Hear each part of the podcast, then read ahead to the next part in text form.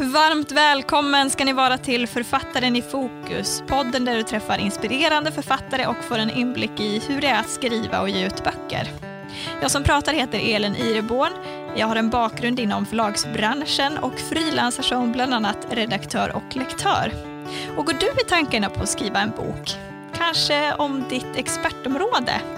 Då vill jag ge dig ett tips, för jag har nämligen satt ihop ett coachningspaket för dig som är företagare, föreläsare, coach, konsult eller expert och där du på tre månader går från idéfrö till ett färdigt utkast genom en tydlig plan och med mig som bollplank genom hela processen. Kika in på peopleandstories.se om du är intresserad av att läsa mer om det. I dagens avsnitt har jag träffat Andreas Jonsson som är föreläsare och inspiratör med fokus på alla människors rätt att få vara sig själva. Han har skrivit boken Gör något som konkret gör skillnad i människors liv. Det kommer vi prata om, men vi kommer också komma in på hur man kan nå sina egna mål och drömmar och om att alla kan göra skillnad för andra människor. Andreas är en sann inspiration och jag hoppas att även du kommer att hitta frön i detta som tar dig vidare i livet. Det här är Författaren i fokus.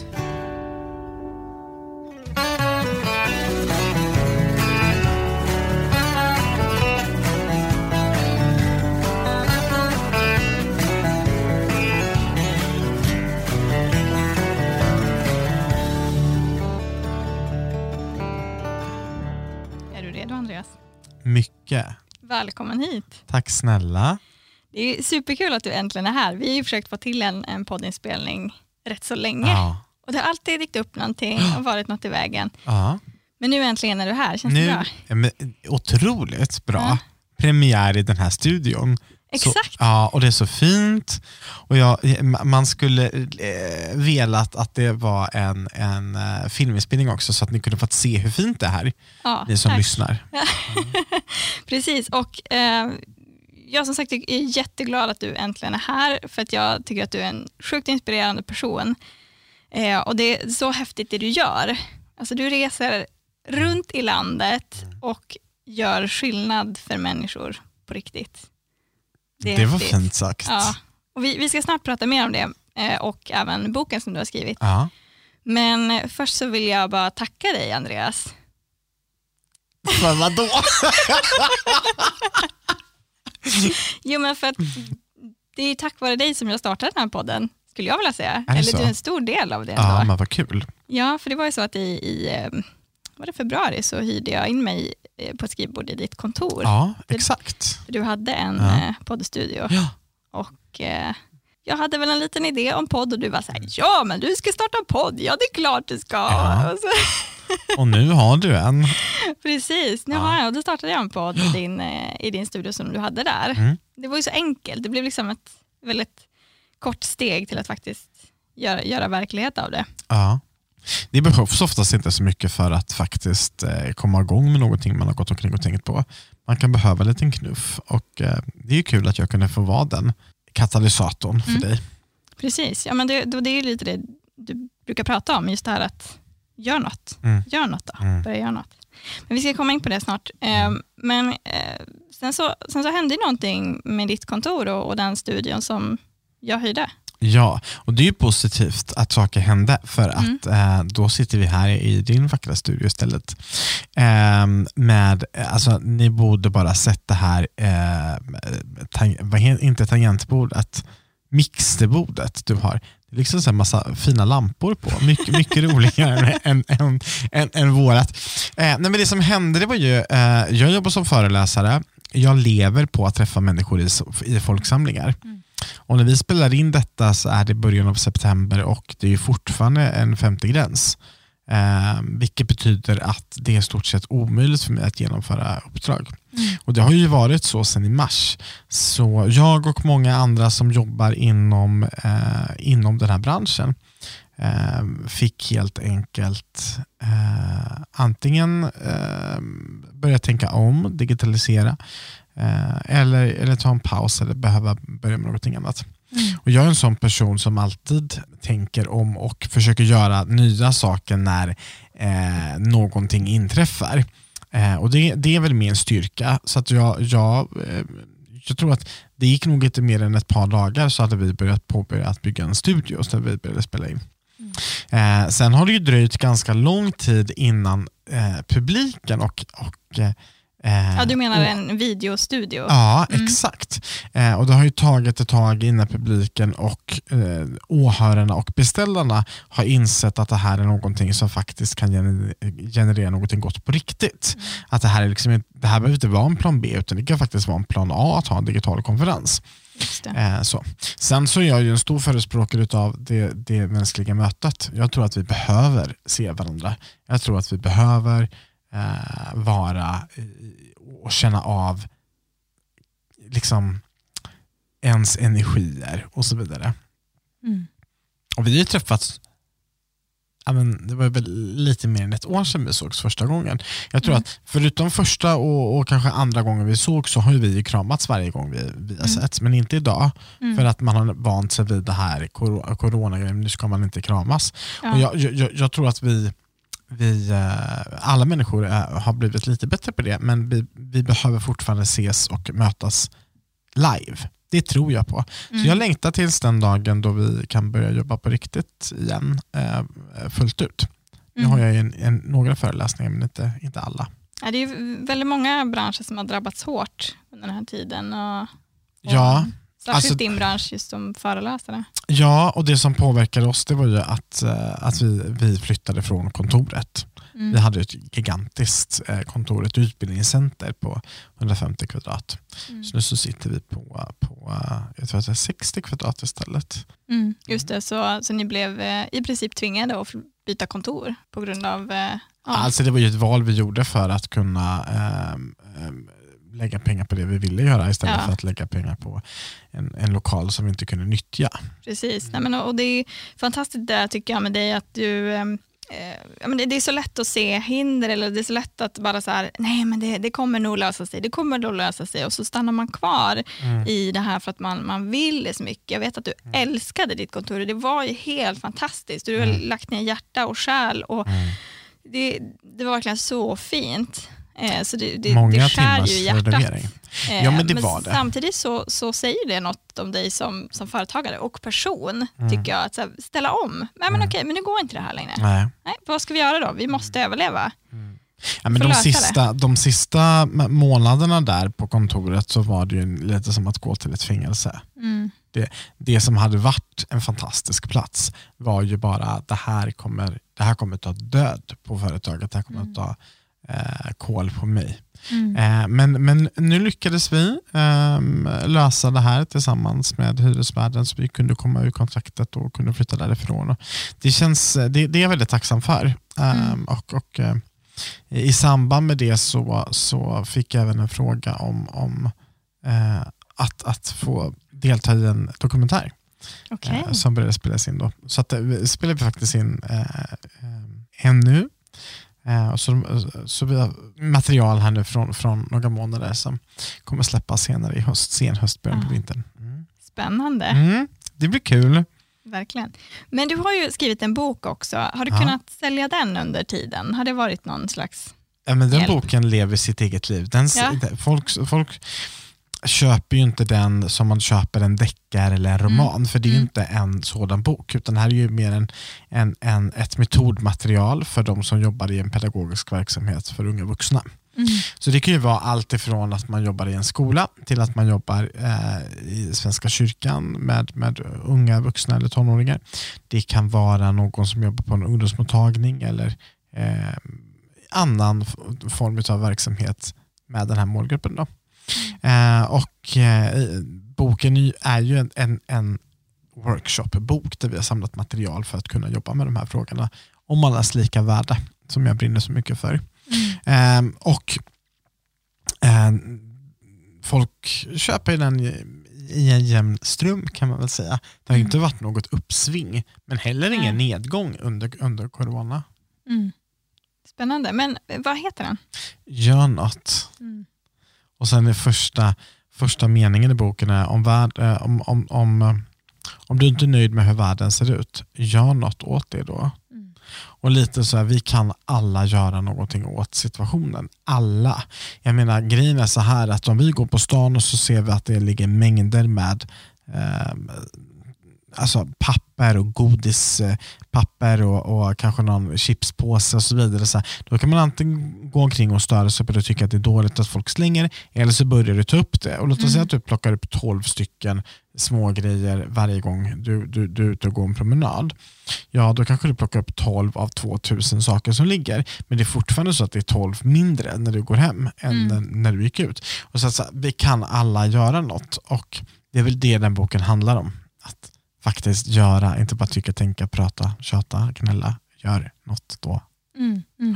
Precis, och som du sa det så är det en, en workshopbok mm. med eh, övningar och mm. eh, material så att man som eh, eh, pedagog och så vidare, andra som jobbar med unga vuxna framförallt. Mm. ska kunna hjälpa dem och leda dem i ja, det, det tänk som du vill förmedla i, i boken. Och det som jag gillar med Eh, med det, eller jag försöker i den här podden också ha en väldigt stor bredd. Mm. Som du säger, det här är ingen bok som man läser som en deckare. Nej. Men det här är en bok som är väldigt viktig och faktiskt kan göra skillnad. Mm. Eh, kan du berätta något om vilken respons du har fått av, av eh, de som har använt det här som undervisningsmaterial? Mm. Absolut. Ja, man, man, kan ju tillägga också att boken är skriven tillsammans med Anna-Lena eh, Andersson som är första lärare, jobbar på eh, Vittraskolan uppe Eh, utanför Stockholm eh, som faktiskt blev utnämnd till en av eh, världens bästa skolor i, en, i listan med 100 skolor i Sverige,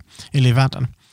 Så det är lite kul. Men Anna-Lena var, eller är en lärare på en skola som jag hade varit och arbetat hos och utbildat personal och så skulle jag dit och arbeta med elever. Och Då, då fick jag frågan från Anna-Lenas rektor om vad finns det för material vi kan jobba med i samband med att du kommer. Eh, och Den frågan har jag ju fått under många år under mina tio år som föreläsare i skolverksamhet. Eh, och Då så kände jag att jag, jag kan väl lika väl sätta ihop ett material då eftersom mm. jag får den här frågan hela tiden. Så jag frågade Anna-Lena, har du lust att vara med på det här tåget så att vi kan få den knuten till, till svensk läroplan? Och eh, så, så slutade det. Så att eh, boken är eh, knuten till Svensk läroplan, direkt applicerbar där. Och den responsen som, som jag får när jag eh, jobbar med eh, framförallt då pedagoger och, och, och, eh, lärare på skolor det är ju liksom att den är väldigt tydlig. Den är väldigt enkel att använda. Det finns en lathund som är väldigt lätt att följa. Eh, det finns eh, en berättelse till varje workshopövning. Mm. Så låt oss säga så att du har varit, eh, låt oss säga att du går i åttan, nian, du har haft teknik eller idrott och sen så helt plötsligt ska du in och köra ett workshoppass om normer. Mm. Ja, det är inte så lätt att sadla om till det. Mm. Eh, och Däremot om du hade varit och lyssnat på en föreläsning om, om normkritisk tänk och sedan göra en workshop om normer så är det väldigt mycket enklare. Så då tänkte jag så här, du, du, måste komma in i ett speciellt mood, du måste komma in i en speciell tankegång, du måste förstå sammanhanget i ett bredare perspektiv och därför så skrev jag eh, en liten berättelse till varje övning. Så mm. varje övning startar liksom med en en, en, eh, en berättelse. Mm. Och Det kan vara berättelser utifrån mitt liv, saker som jag har upplevt eller annat som jag tycker är väldigt viktigt och som passar bra till den här övningen. Så den läser man som eh, samtalsledare då, och sen så kör man själva övningen. Mm. Eh, och Det är någonting som är väldigt uppskattat både hos eh, de som utför uppdragen eh, som exempelvis elever, men även av de som håller själva handledningen. Då, att åh, vad, vad enkelt, vad bra, det här behöver inte vara svårt. Jag gillar inte ens sådana här frågor, men tack vare den här boken så blir det enklare för mig. Mm. Och Det är ju bra respons. Mm, och det är ganska kreativa övningar också. Ja, allt ifrån traditionella fyra hörnövningar till lite roligare övningar med, som är lite längre, exempelvis att man ska hålla på med någonting under en hel vecka eller månad. Och sådär. Ja. Mm. Ja, jättekul.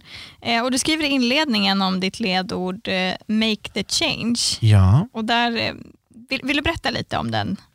Men make the change där. handlar väl egentligen om att göra någonting. Mm. Eh, make the change handlar om att skapa förändring genom en handling.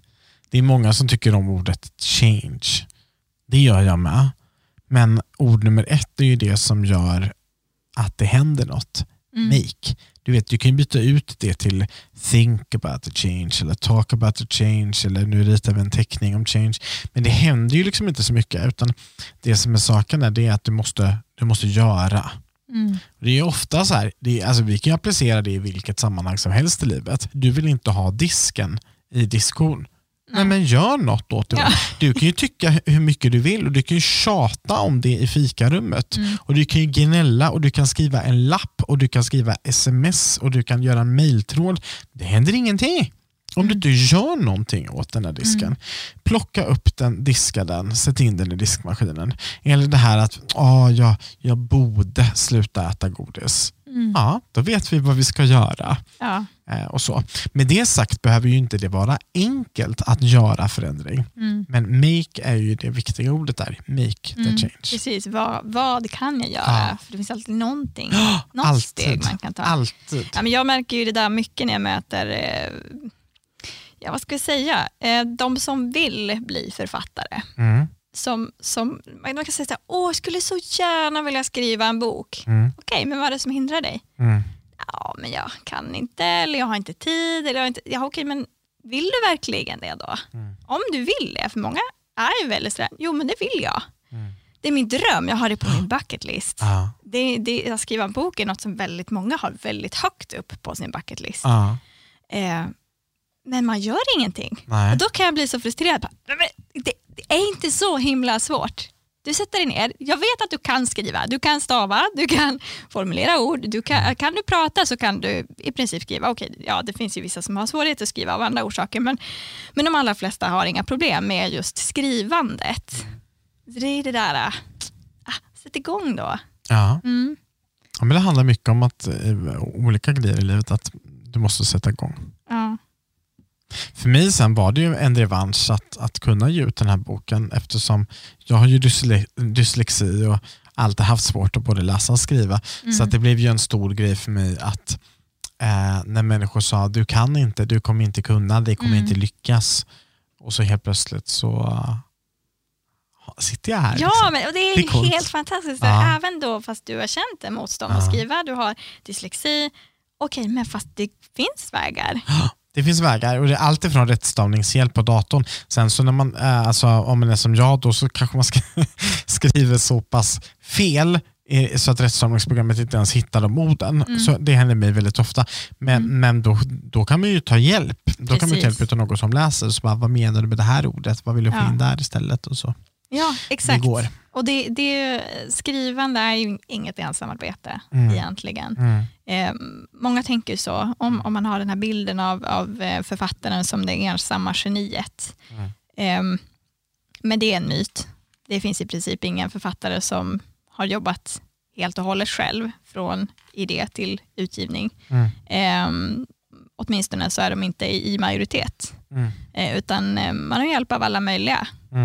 Eh, och, och där behöver man inte gå särskilt långt för att, för att hitta någon som, som kan hjälpa en att ta steg på vägen.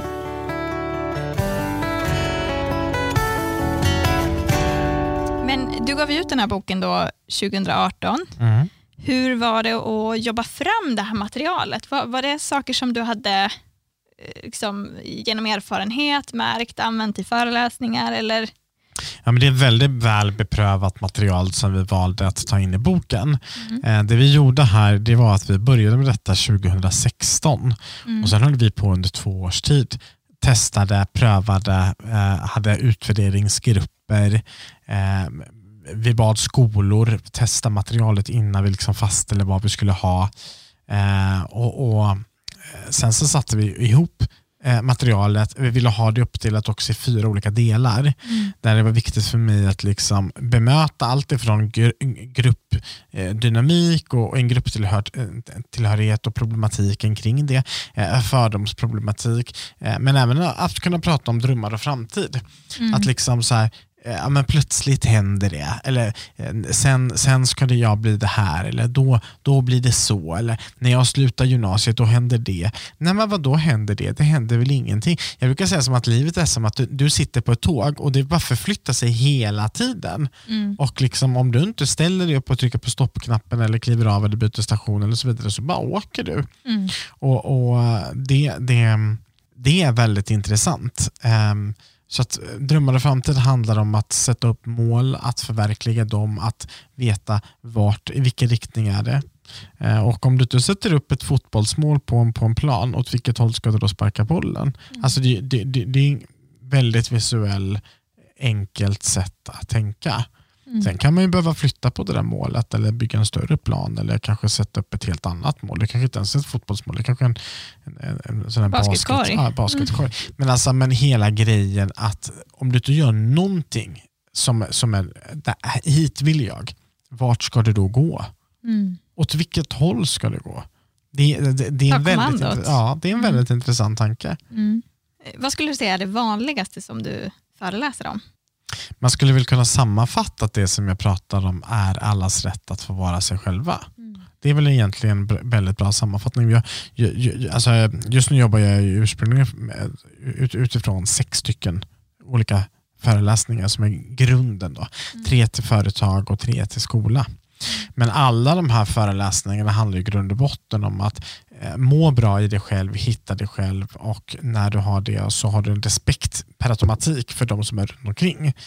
Mm. Um, och, och, och, men om du ska må bra på en arbetsplats eh, då måste du ha eh, förståelse för att alla kan inte vara likadana. Och, mm. och, Vi måste förstå varför fungerar vi som vi gör, varför är de andra som de är, hur, hur, hur ska vi kunna kommunicera på rätt sätt. Likadant i skolan, likadant med sig själv. Och Jag tror att många där tappar nog bort biten att Eh, de, de försöker lära, lära känna och lära, tycka om, lära sig tycka om de som är runt omkring. Och så glömmer man bort sig själv. Mm. Eh, det finns ju ingen person som vi är elakare mot än oss själva. Mm, alltså vi tänker ju så oerhört mycket elaka tankar om oss själva varje mm. dag. Mm. Allt ifrån att vi är tjocka till att vi är fula, till att vi har fått en ny finne, till att vi är tunnhåriga, till att vi... Eh, ja, men allt. Åh, hur kunde jag göra så? Nej men gud, varför såg jag ut så? Nej men gud, eh, ser jag ut så? Jag vet inte hur många gånger som man tar en bild på någon och säger, men ser jag ut så? Eller mm. usch vad ful jag var. Eh, mm. och, och grejen är så här, så skulle du aldrig någonsin säga till de som är runt omkring dig. Jag skulle ju aldrig säga det till dig Elin. Men gud hur du ser ut. Mm. Varför har du håret så? Mm. Det skulle jag aldrig göra. Nej, och... men, men, men, jag antar att du kanske har tänkt så om dig själv. och, ja, och, och, det är det som är problemet, att vi är taskiga mot oss själva. Mm. Samtidigt som att vi också är de enda som inte blir av med oss. Mm. För att när jag går härifrån, då försvinner jag ju ifrån din åsyn. Mm. Eh, men, men eh, jag kommer inte bli av med mig själv idag. Jag menar, jag, jag kommer ju följa med mig själv till kontoret. Jag kommer gå och äta med mig själv när jag käkar lunch. Jag kommer gå och lägga med mig, med, med mig själv. Mm. Jag vaknar med mig själv. Jag åker på varenda resa med mig själv. Jag blir inte av med mig själv. Så det är också en väldigt bra anledning till att faktiskt börja tycka om mig själv. Eh, och Det är väl det, ja. jag, det, det, är det jag pratar om. Sen kan man då lägga in det på olika sätt och paketera det på snygga sätt. Då. Ja, precis. Utifrån målgrupp och lyssnare och sådär. Men, men en reflektion. um, när, när du lägger upp det sådär, alltså, ja man blir ju aldrig av med sig själv. Kan det vara också en anledning till varför vi är så taskiga med oss själva? Alltså jag tänker på lite det här med syskonrivalitet. Syskon som man växer upp med är man ju väldigt mycket med och man kan bli väldigt trött på dem. Mm. och även partners kan man bli väldigt eh, less på. Ja. Kan det ha någonting med att vi är taskiga mot oss själva att göra? Att vi, vi, liksom, vi är liksom trötta på oss själva? Eller? Jag, jag bara tänker högt nu. Förmodligen så ligger absolut saker i det du tänker. Eh, sen så tänker jag att eh, många utav oss väljer att vara elaka mot oss själva när ingen annan ser på. Mm. Det är ingen som vet vad du tänker om dig själv. Mm. Alltså, vi är duktiga på att vara taskiga mot någon och framförallt oss själva eftersom ingen annan vet. Mm. Um, och, och uh, vi också, liksom, speciellt i Sverige, så lever vi liksom under en jantelag som, som säger du får inte tycka om dig själv, du ska inte tycka om dig själv, mm. du kommer inte att lyckas. Um, och uh, Alla växer inte upp med eh, stöttande eh, vuxna runt omkring som säger jo men du kan, du Mm. kan. Mm. Jag satt och såg på, det finns en Netflix-dokumentär som heter eh, Miss America eh, som handlar om Taylor Swift, som finns på Netflix. Så här, helt fantastisk eh, dokumentär, en och en halv timme lång. Jag satt och såg den i helgen. Handlar om Taylor eh, och eh, resan till hennes eh, album, det här Love-albumet som Mm. släpptes för ett tag sedan. När hon då har skrivit den här låten Me, som hon sjunger tillsammans med en kille som är den di, di, di, di, di, di. Vet du vilken låt det är? Nej. Nej.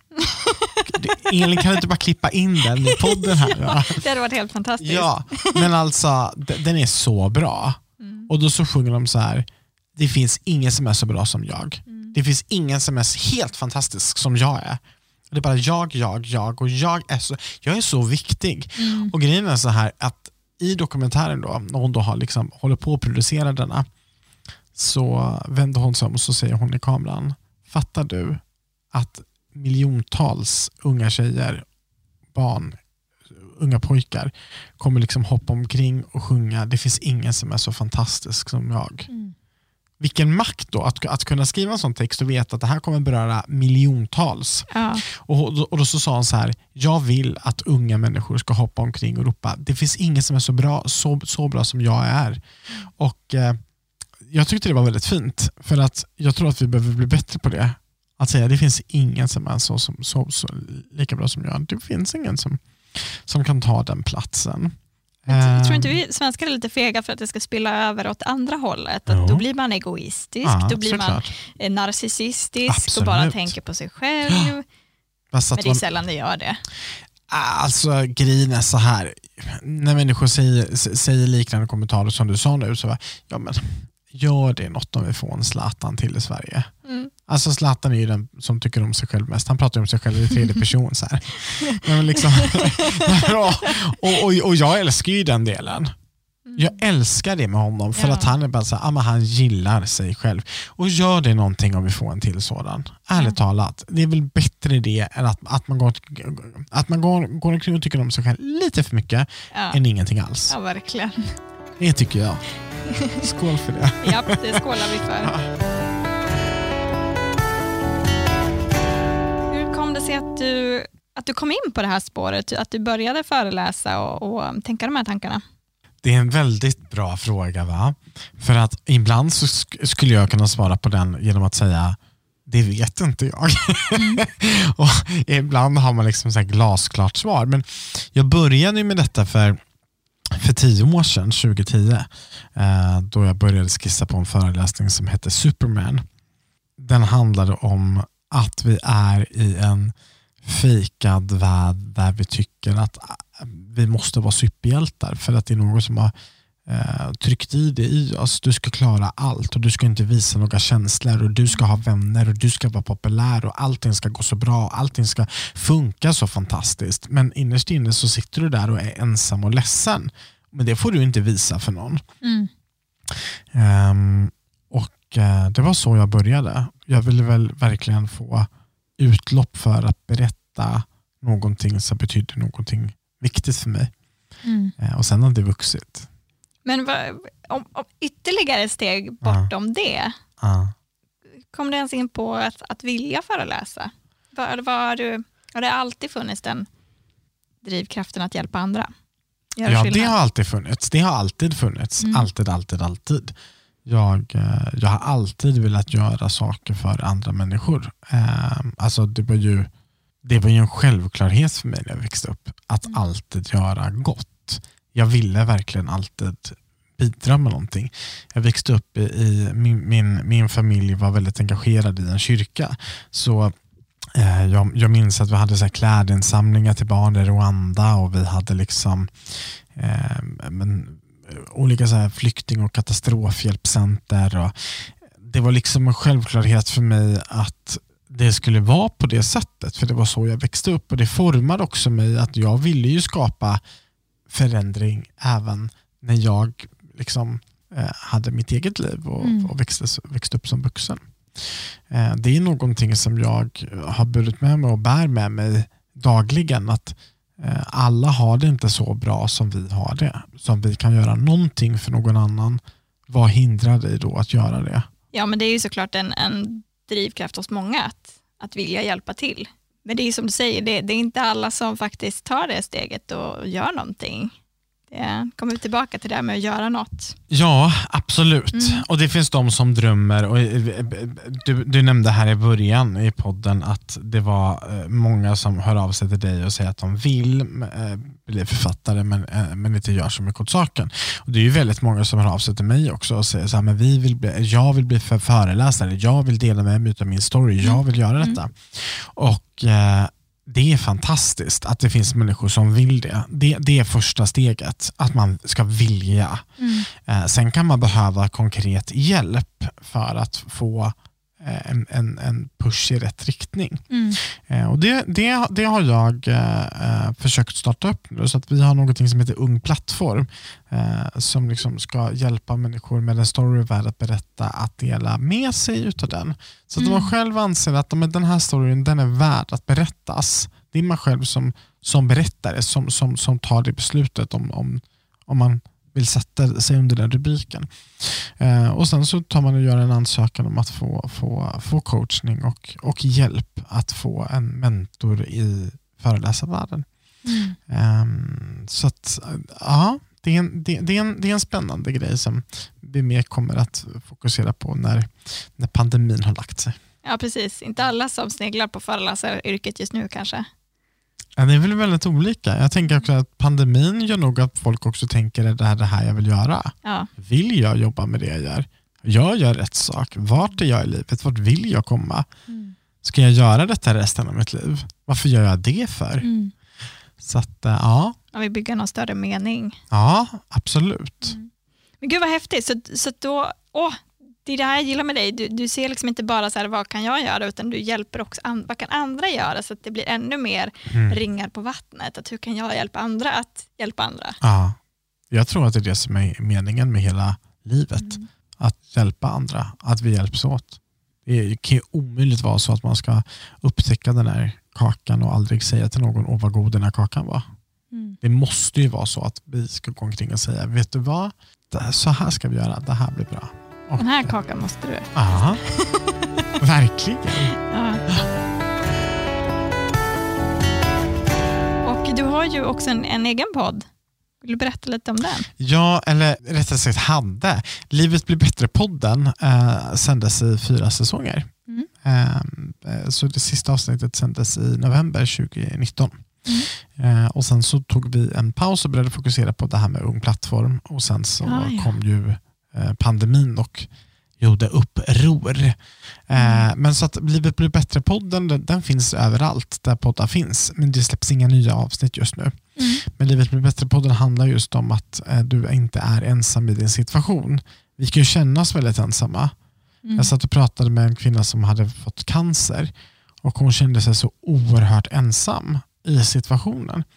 Och Vi kan nog alla som lyssnar vara överens om att vi är inte särskilt ensamma om vi är en cancerpatient, för det är en väldigt, väldigt, väldigt vanlig diagnos eh, att få cancer. Man hör det i stort sett dagligen, mm. Eh, att, att människor får cancer. Men när du väl hamnar där så blir det, du känner dig ensam. Likadant, jag mötte en, en, en annan kvinna, hon, hon eh, skulle precis påbörja resan i att genomgå en skilsmässa och hon var så ensam.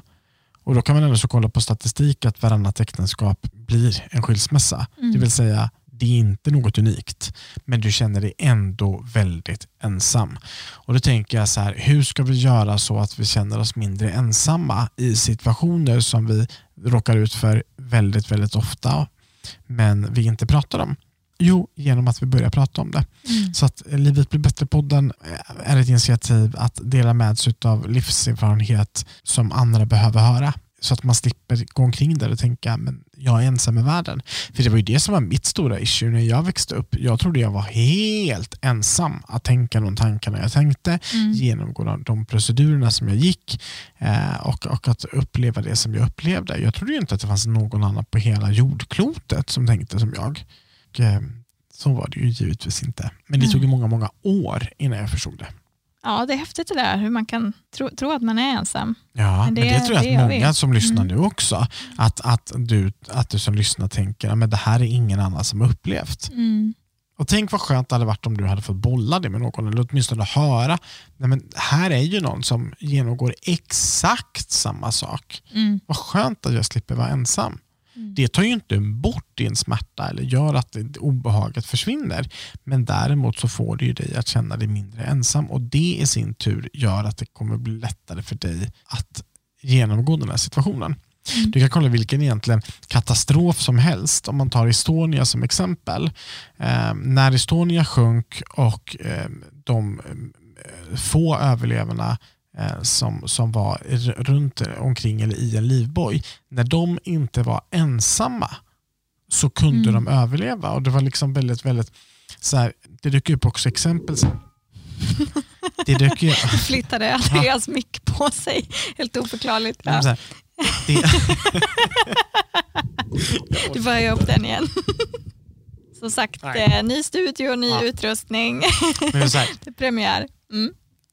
Nej, men det finns ju exempel också sen i media från, från de som överlevde att de sa så här, men om vi, om, om vi inte överger varandra då överlever vi den här situationen tillsammans. Mm. Och På så sätt så överlevde de för att de var inte ensamma. Och Jag tror att vi behöver det. Vi behöver känna att vi inte är ensamma. Ja, men det är bara som att ta det här exemplet på, kommer inte ihåg vart eller när det var, men, men jag har hört om att man har gjort ett, ett, något slags experiment med spädbarn. Ja. Lagt dem i ett rum. Eh, Nej, nu, vänta. Jag vet inte hur man gör. nej, men du ska bara kunna vrida på den här. Den. Ja, jag, jag, jag sitter så här nu. nu går den inte ens ner. Ja, ja. Ja, får kolla det där stativet sen. Ja. Ehm, nej, men det är som det här experimentet som man har gjort på, um, det var nog ganska länge sedan, men spädbarn, när man, man, eh, nyfödda eh, spädbarn lägger dem i ett rum, Mm. de får eh, mat, de eh, har värme och, och Mm. liksom allt som de behöver, men de har ingen fysisk kontakt. Mm. Vill säga, egentligen så kanske de känner sig ganska ensamma. Mm. Och det visade sig att de här barnen, de överlevde inte. Nej. Även fast de fick Men då gjorde man ett sånt test? Ja, jag, ska inte svära på exakt hur det här Fy, har gjorts. Jag tror att det var Alltså, väldigt länge Nu sedan ska vi liksom, ja, fast det Det var nog- fruktansvärt test. Ja. De här spädbarnen överlevde inte det här testet. Det låter ju helt fruktansvärt Elin. Det var nog inte i Sverige och det var nog inte under 2000-talet. nej, men det låter ju... Usch, det låter ju... Nej. Härmed avsäger jag mig allt som har med det här att göra. Usch. Vi klipper bort det. Va? Ja.